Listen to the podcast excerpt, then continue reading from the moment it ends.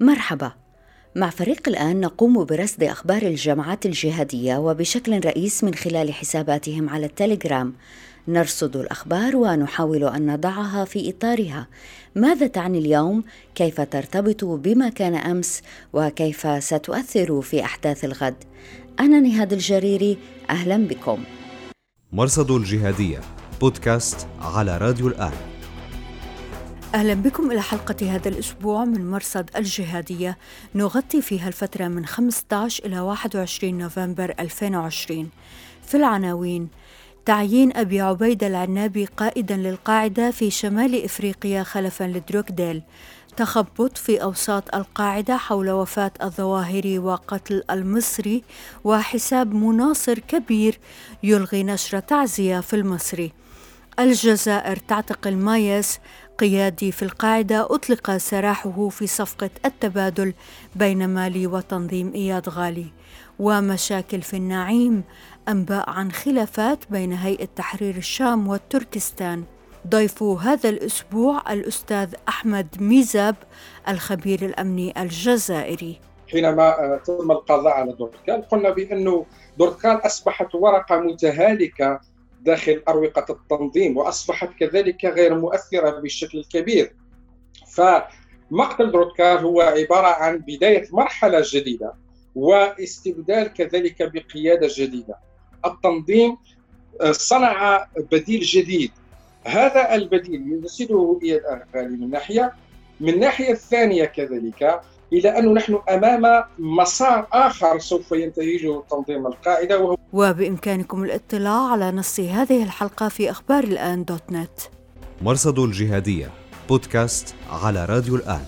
أسفرت تلك المشاورات عن اختيار يزيد مبراك المعروف بأبي عبيدة يوسف العنابي أميرا لتنظيم قاعدة الجهاد بلاد المغرب الإسلامي. مساء السبت 21 نوفمبر بثت مؤسسة الأندلس الذراع الإعلامية للقاعدة في شمال إفريقيا تسجيلا صوتيا لقتيبة أبي النعمان الشنقيطي أحد شرعي القاعدة في شمال وغرب إفريقيا.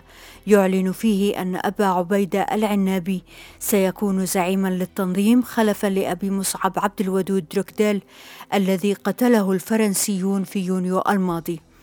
نقاط نأخذها بالاعتبار هنا.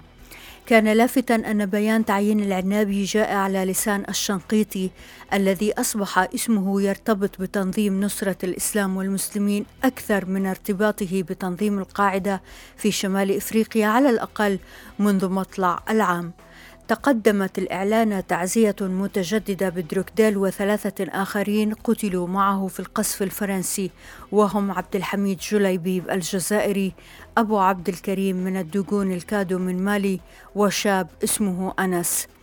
أكد الشنقيطي على وجود علاقة قوية بين دروكديل ونصرة الإسلام والمسلمين بزعامة إياد أغالي حتى إن دروكديل قضى آخر أيامه مع تنظيم نصرة حيث قتل في مالي. حتى كانت خاتمة تلك الحياة بين إخوانه وجنوده في جماعة نصرة الإسلام والمسلمين. وهنا نسأل هل هذا لإسكات أصوات تساءلت عن سبب اغتيال دروكديل الذي كان في طريقه لاجتماع مع إياد غالي خاصة أن دروكديل لم يكن على وفاق تماما مع إياد بحسب ما أشار بحث متميز للصحفي الجزائري أكرم خريف والأكاديمي المغربي الجليل الوناس ماذا نعرف عن العنابي؟ نعرف أنه هو الآخر لم يكن على وفاق تماما مع دروكديل. العنابي لم يكن راضيا عن توجه دروكديل نحو عولمة الجهاد الجزائري. ولهذا كثيرا ما كان دروكديل يترك للعنابي الحديث في مسائل تتعلق بالجزائر البلد. وكنا أعددنا ملفا كاملا عن هذه الأمور وعن بحث خريف الوناس في أخبار الآن. تجدون الرابط في نص هذه الحلقة. مرصد الجهادية. الإعلان عن تعيين العنابي يأتي وسط تخبط في أوساط القاعدة حول نبأي وفاة الظواهر وقتل نائبه المصري. أما في الخبر الأول فلم يصدر شيء يؤكد أو ينفي لا عن المؤسسات الرسمية ولا الأنصار.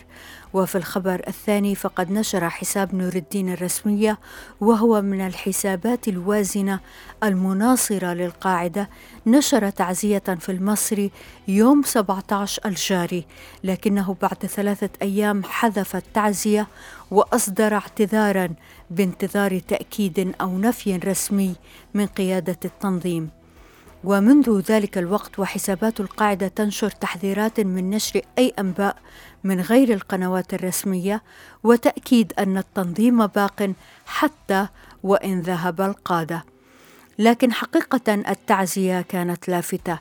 لم يكشف الحساب عن تفاصيل قتل المصري لكنه وصفه بأنه شهيد أي أنه توفي في ظروف غير طبيعية وأنه كان اسيرا في إيران إلى أن نال ما تمنى يعني أنه لاقى حتفه هناك في إيران.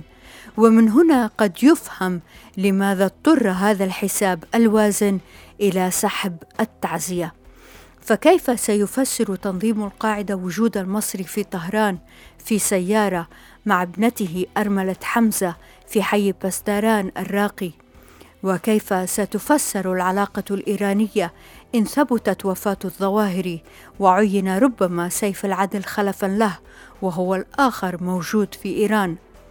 أنصار داعش علقوا بأن القاعدة ستحذو حذو طالبان في تعاملها مع قادتها المتوفين فطالبان أخفت وفاة الملا عمر ثلاث سنوات وكانت في كل سنة تصدر بيانات العيد باسمه. وفي 19 الجاري لفت أن ظهر إعلان عن منشور مرتقب تبثه مؤسسة شام الرباط الجناح الإعلامية لحراس الدين فلم يكن ثمة مناسبة لا اغتيالات ولا اعتقالات جديدة في صفوف من تبقى من حراس الظواهر في الشام. القناة بثت كلمة مرئية لأبي القسام الأردني خالد العروري الذي قتله التحالف في يونيو الماضي. الفيديو هو أول صور واضحة تنشر للرجل فلم يعرف عن رسمه إلا صورة واحدة وهو شاب معركتنا ليست في سوريا ولا في الشام ولا في العراق ولا في نحن معركتنا الآن شاملة لكل الأمة لكل, لكل الأرض. أنصار القاعدة اعتبروا نشر الفيديو في هذا الوقت تحديدا علامة على أن الجهاد بين قوسين متواصل وإن مات القادة وهي ذات الثيمة التي ينشر فيها أنصار القاعدة هذه الأيام. وقبل مغادرة هذا الملف أعلنت الجزائر هذا الأسبوع اعتقال القيادي في القاعدة الحسين ولد عمار المعروف باسم مايس بعد دخوله للأراضي الجزائرية. مايس كان ضمن قائمة المفرج عنهم في مالي في صفقة تبادل الرهائن. الشهر الماضي اعتقلت الجزائر مصطفى درار قيادي آخر في القاعدة وكان أيضا من المفرج عنهم في صفقة التبادل. مرصد الجهادية. بودكاست على راديو الآن. في آخر أخبار هيئة تحرير الشام وحركة أحرار الشام التي وقع فيها انقلاب حسن صوفان ضد جابر علي باشا نشر حساب رد عدوان البغاة المعارض للهيئة أن تركيا حذرت الجولاني من التدخل في الخلاف وبالتالي أحبطت خططه لتأسيس مجلس عسكري يسيطر هو عليه. الحسابات المعارضة نشرت أيضا عن أزمة بين الجولاني والتركستان. هذا الشهر رفعت أمريكا الحزب الإسلامي التركستاني من قائمة الإرهاب. حساب مزمجر الثورة السورية قال إن تركيا عرضت صفقة على التركستان لها علاقة بالتصدي للأكراد وأن خلافا نشب بين الجولاني والتركستان لأنهم لم يستشيروه في اجتماعهم مع تركيا. يواصل حساب رد عدوان البغاة نشر تسريبات من أمنيي هيئة تحرير الشام تثبت تورط قياديين فيها في قضايا سرقة احتطاب وخطف بهدف دفع الفدية وغيرها من الجرائم. الحساب علق بأن هذا تأكيد على أن الجولاني هو الذي يزرع الفاسدين ويحميهم ويستغل هذه القضايا والملفات لتهديد من يفكر في مخالفة الأوامر. فتحت القنوات المعارضة لهيئة تحرير الشام ملف السجينات لدى الهيئة على خلفية اعتقال الناشطة نور الشلو. الهيئة تقول إن نور متهمة بقضايا جنائية لا علاقة لها بعملها الصحفي، لكن الناشطين يقولون خلاف ذلك. حساب مسمجر الثورة السورية ذكر بقصص سجينات تتهمهن الهيئة بالتعامل مع التحالف أو مع داعش، وقال إنهن يتعرضن للتعذيب والاغتصاب.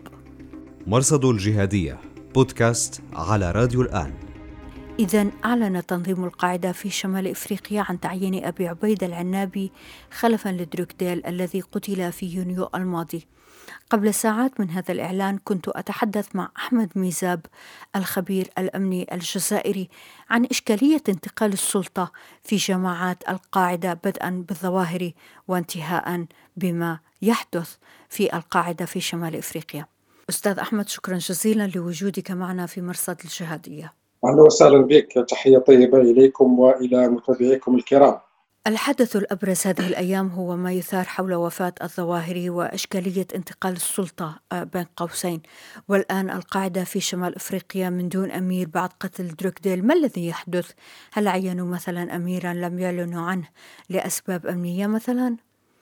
هو في الحقيقة أولا حينما نتحدث على الأخبار التي يتم تداولها حول وفاة زعيم التنظيم القاعدة الظواهر وإشكالية الخلافة وهي من بين دائما المسائل المطروحة آه، في هذا التنظيم عبر كافة آه، آه، فروعه. فإننا اليوم نحن نتحدث على توجه مركز ثقل قيادة التنظيم إلى منطقة إفريقيا وبالخصوص إلى منطقة الساحل الإفريقي باعتبار أن هنالك قيادات فرضت اولا حضورها وفرضت كذلك آه، بقاء التنظيم في ظل التحولات آه، آه، الحاصلة. ومن بين أبرز المرشحين نتحدث على إياد أغالي. فبالتالي نحن اليوم نتحدث على التحول في معطيات الهيكلية الداخلية لتنظيم القاعدة. لكن حينما أعود إلى الجزئية الثانية من سؤالك وهو المتعلقة بمسألة مصير التنظيم بعد وفاة دورتكال وعدم تسمية أمير بديل لمقتل دورتكال فأنا أقول اولا أن تنظيم القاعدة عرف تحولات جوهرية في الداخل باعتبار أننا اليوم نتحدث على إعادة هيكلة التنظيم بمعطيات جديدة ووفق كذلك خارطة انتشار جديدة. لذلك اليوم نحن نتحدث على تنظيم أنصار الإسلام والمسلمين الذي يشكل أبرز الأوجه الجديدة لتنظيم القاعدة والأكثر نشاط. وربما يفسر هذا هذه القراءة. انطلاقا من مجموعة من المعطيات التي تؤكد بأن تنظيم أنصار الإسلام والمسلمين تحول إلى بديل لتنظيم القاعدة أو تحول إلى وجه آخر لتنظيم القاعدة بالإضافة كذلك إلى معطى ثاني وهو أكثر أهمية وأكثر كذلك جوهريه وهو صفقه التبادل التي أبرمتها فرنسا مع التنظيمات الإرهابية في المنطقة وهو أنصار الإسلام والمسلمين بحيث انه تم إطلاق سراح أكثر من 207 إرهابي آه، آه، محتجز مقابل تحرير ثلاث رهائن لفائدة من؟ لفائدة تنظيم أنصار الإسلام والمسلمين، هذا ما يقدم لنا هذه الصورة الجديدة باعتبار أن تنظيم القاعدة آه، في أشكاله الجديدة وفي أسمائه الجديدة حافظ على امتداده في المنطقة، حافظ على بيئته الحاضرة، فحافظ على مصادره التقليدية في عمليات تمويل نشاطاته الإرهابية وسجل كذلك في السنة الأخيرة عوده بمؤشرات قياسية. يكفي أن أقول بأنه في نهاية 2019 سجلنا 365 عملية إرهابية فبالتالي نحن نتحدث على عودة التهديد في المنطقة من بوابة تنظيم القاعدة لكن عبر آه، أحد آه، أبرز أجنحتها وهو أنصار الاسلام والمسلمين الذي يشكل آه، تكتل أو تجمع لبقايا أربع تنظيمات نشطة في المنطقة كانت تتبع تنظيم القاعدة في المنطقة الحقيقة أستاذ ميزاب نحن نسأل هذا السؤال وفي بالنا أن نقطة الاتصال أصلا بين القاعدة المركزية وقاعدة إفريقيا كان دروكديل وإياد غالي بايع الظواهري من خلال بيعته لدروكديل كيف سيحقق إياد غالي هذا التواصل بغياب دروكديل؟ اولا حينما تتحدثي على إياد اغالي تتحدثي على حضور في منطقة الساحل الإفريقي وتتحدثي كذلك على بيئة وعلى مجموعة من التحالفات باعتبار أنه اياد اغالي في الآونة الأخيرة تمكن من أن من عقد مجموعة من التحالفات سواء كانت قبلية بالإضافة كذلك إلى أنه وسع من نفوذه فأصبح المسيطر رقم واحد في مفاصل آه، آه، هذا التنظيم بالإضافة إلى أن العمليات الموقعة آه، باسمه عرفت ارتفاع قياسي مقارنة بفترات ماضية. فحينما نتحدث على أن نبايع عن طريق دورتكال الظواهري فهذا يعني أنه كان البديل في حال ما إذا تم القضاء على دورتكال الناحية النقطة الثانية وهذا الذي تكلمنا عليه في شهر جوان الماضي. حينما آه، تم القضاء على دورتكال قلنا بأنه دورتكال أصبحت ورقة متهالكة داخل أروقة التنظيم وأصبحت كذلك غير مؤثرة بالشكل الكبير. فمقتل دورتكال هو عبارة عن بداية مرحلة جديدة واستبدال كذلك بقيادة جديدة. وأعتقد بأنه في الهيكلية الجديدة للتنظيم ووفق ما هو متوفر من معطيات ومعلومات وحسب كذلك رصد مسار تطور نشاط تنظيم القاعدة في المنطقة والتحولات الحاصلة بالإضافة كذلك إلى تفكيك شفرات التحالفات التي أبرمت في الآونة الأخيرة وامتداد نفوذ اياد اغالي إلى عدة مناطق. هذا يدفعنا إلى القول بأن آه، آه، آه، التنظيم صنع بديل جديد. هذا البديل يرسله اياد اغالي من ناحية من الناحيه الثانية كذلك إلى أنه نحن أمام مسار آخر سوف ينتهجه تنظيم القاعدة وهو يستفيد من تجربة داعش ومن التجارب السابقة التي عرفها التنظيم تحت قيادة الظواهري باعتبار انه المعطيات التي تتحدث اليوم تتحدث على أن التنظيم اولا استفاد من تمويلات جديدة استفاد من تعبئة للمقاتلين بحجم كبير يمكنه من إعادة بعث النشاط عبر محاور آه، متعددة ومن ناحية ثالثه كذلك أن حركة الأسلحة التي تضمنها التحالف العضوي بين تنظيم القاعدة والجريمة المنظمة مكنت من رسم خارطة انتشار جديدة آه، آه، لبعث نشاط التنظيم. وبدليل أنه في الأسابيع الأخيرة سجلنا عمليات نفذت في بوركينا فاسو أخرى في نيجيريا. وأخرى في مالي بالإضافة إلى امتدادها حتى إلى حدود السودان. فبالتالي نحن نتحدث على أن مسار هذا التنظيم يتحكم في مفاتح الشريط الكامل لمنطقة الساحل الإفريقي والصحراء على مسافة أكثر من 10 مليون كيلومتر مربع. وهو يستفيد بطبيعة الحال من الأزمات الحاصلة في المنطقة يستفيد كذلك من التدخلات الخارجية ولذلك إياد آغالي آه، فرض حضوره آه، كمسؤول أول في هذا التنظيم من خلال اولا أنه يدرك جيدا الجغرافيا على الأرض أنه كذلك يدرك جيدا الحركة القبلية للمنطقة ويستطيع أن يتعامل معها بالإضافة كذلك إلى أنه كان باشر في هندسة الهيكليه الجديدة للتنظيم فبالتالي هو يتحكم في كافة المفاصل وهذا ما يجعله مرشح بقوة بأنه يكون رقم واحد في إدارة شؤون التنظيم بعد وفاة الضوء بالحديث عن صفقة التبادل بين إياد غالي وحكومة مالي في أكتوبر الماضي اعتقلت السلطات الجزائرية مصطفى درار وكان ممن أطلق سراحهم في هذه الصفقة. وقبل أيام اعتقلت الحسين ولد عمار أو مايس وهو أيضا ممن أطلق سراحهم. كيف تنظر إلى عودة الإرهابيين إلى الجزائر؟ في الحقيقة أولا حينما نتحدث على عمليتين نوعيتين نفذها الجيش الوطني الشعبي الجزائري التي تصنف اولا بأنها عملية نوعية استخباراتية استراتيجية بامتياز هي ناجمة على توفر ثلاث عناصر أساسية. العنصر الأول هو عنصر اليقظة والعنصر الثاني هو عنصر الرصد والمتابعة والعنصر الثالث هو عنصر الجاهزية العملياتيه وهذا الذي مكن من رصد هذه التحركات بمجرد إبرام هذه الصفقة إلى غاية ولوج هذه الأشخاص إلى داخل التراب الوطني ومتابعة مسارهم وطريق واتصالاتهم وفحوى وجودهم على الأراضي الجزائرية. دعيني أقول بأنه آه، هذا يدخل في إطار استراتيجية جديدة اولا في محاولة إحياء بقايا التنظيم.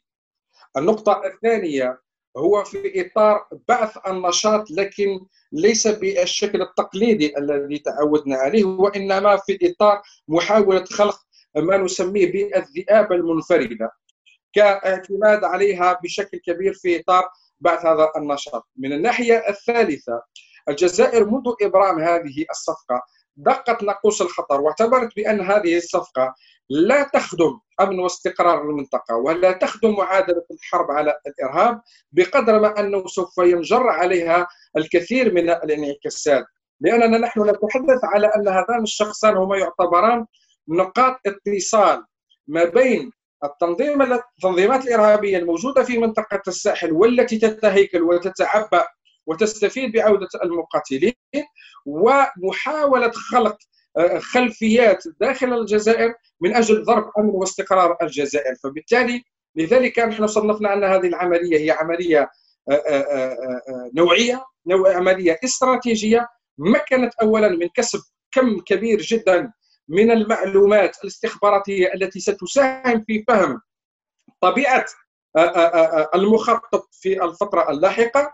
ومن الناحية الثانية كذلك في تفكيك البقايا الموجودة في الداخل وقطع أي شكل من أشكال الاتصالات باعتبار أن استراتيجية الجزائر في مجال مكافحة الإرهاب هو تجفيف منابع هذه الجماعات وقطع أي مصادر اتصال يمكن لها أن تعيد إحياء نشاط بقايا الجماعات الإرهابية. وهذا ما يجعلنا دائما أننا نسير في إطار العمليات الاستباقية بشكل ناجح وبشكل كذلك فعال. فبالتالي هذه العملية هي دفعتنا اولا نستوعب جيدا بأن هناك عودة نشاط للجماعات الإرهابية في المنطقة وهنالك محاولة البحث على خلق أروقة يمكن من خلالها اختراق حدود الجزائر ومن خلالها كذلك إعادة إحياء بقايا الجماعات الإرهابية بالإضافة كذلك إلى أن خارطة الانتشار الحالية بالنسبة للجماعات الإرهابية هو الانتشار عبر كافة محاور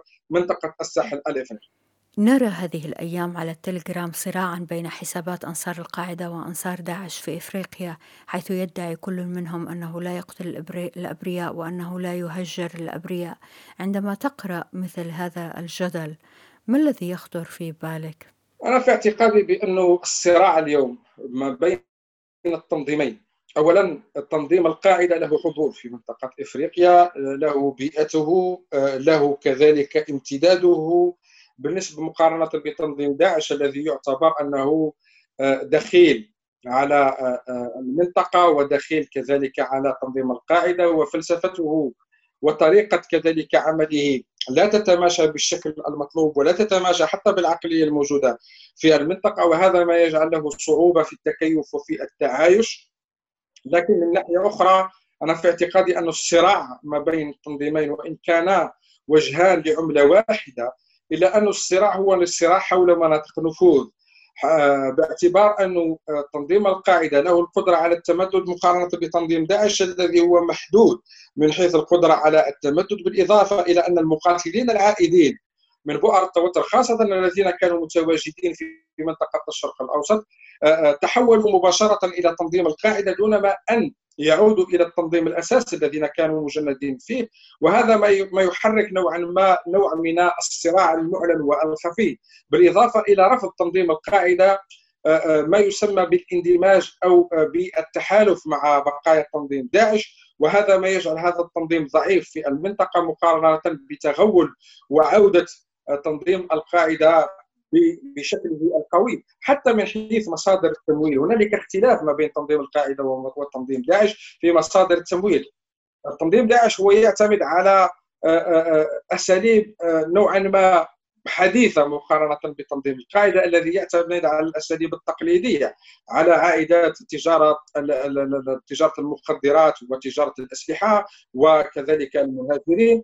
بالإضافة كذلك إلى أنه يستفيد من الفدية التي تدفع من قبل بعض الدول مقابل تحرير رهائن كما يستفيد كذلك من الحواضن القبلية التي تساهم له في توفير هذه المصادر مقارنة بأن داعش لا يمتلك هذه الأدوات ولذلك فإن كفه القاعدة مقارنة داعش هي التي تتغلب في المنطقة في إطار النشاط الذي يمارس في الآونة الأخيرة.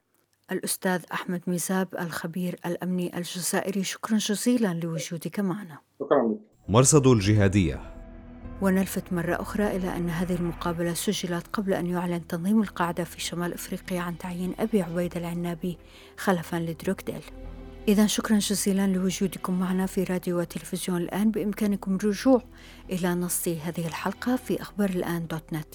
أنا نهاد الجريري مع السلامة. مرصد الجهادية. بودكاست على راديو الآن.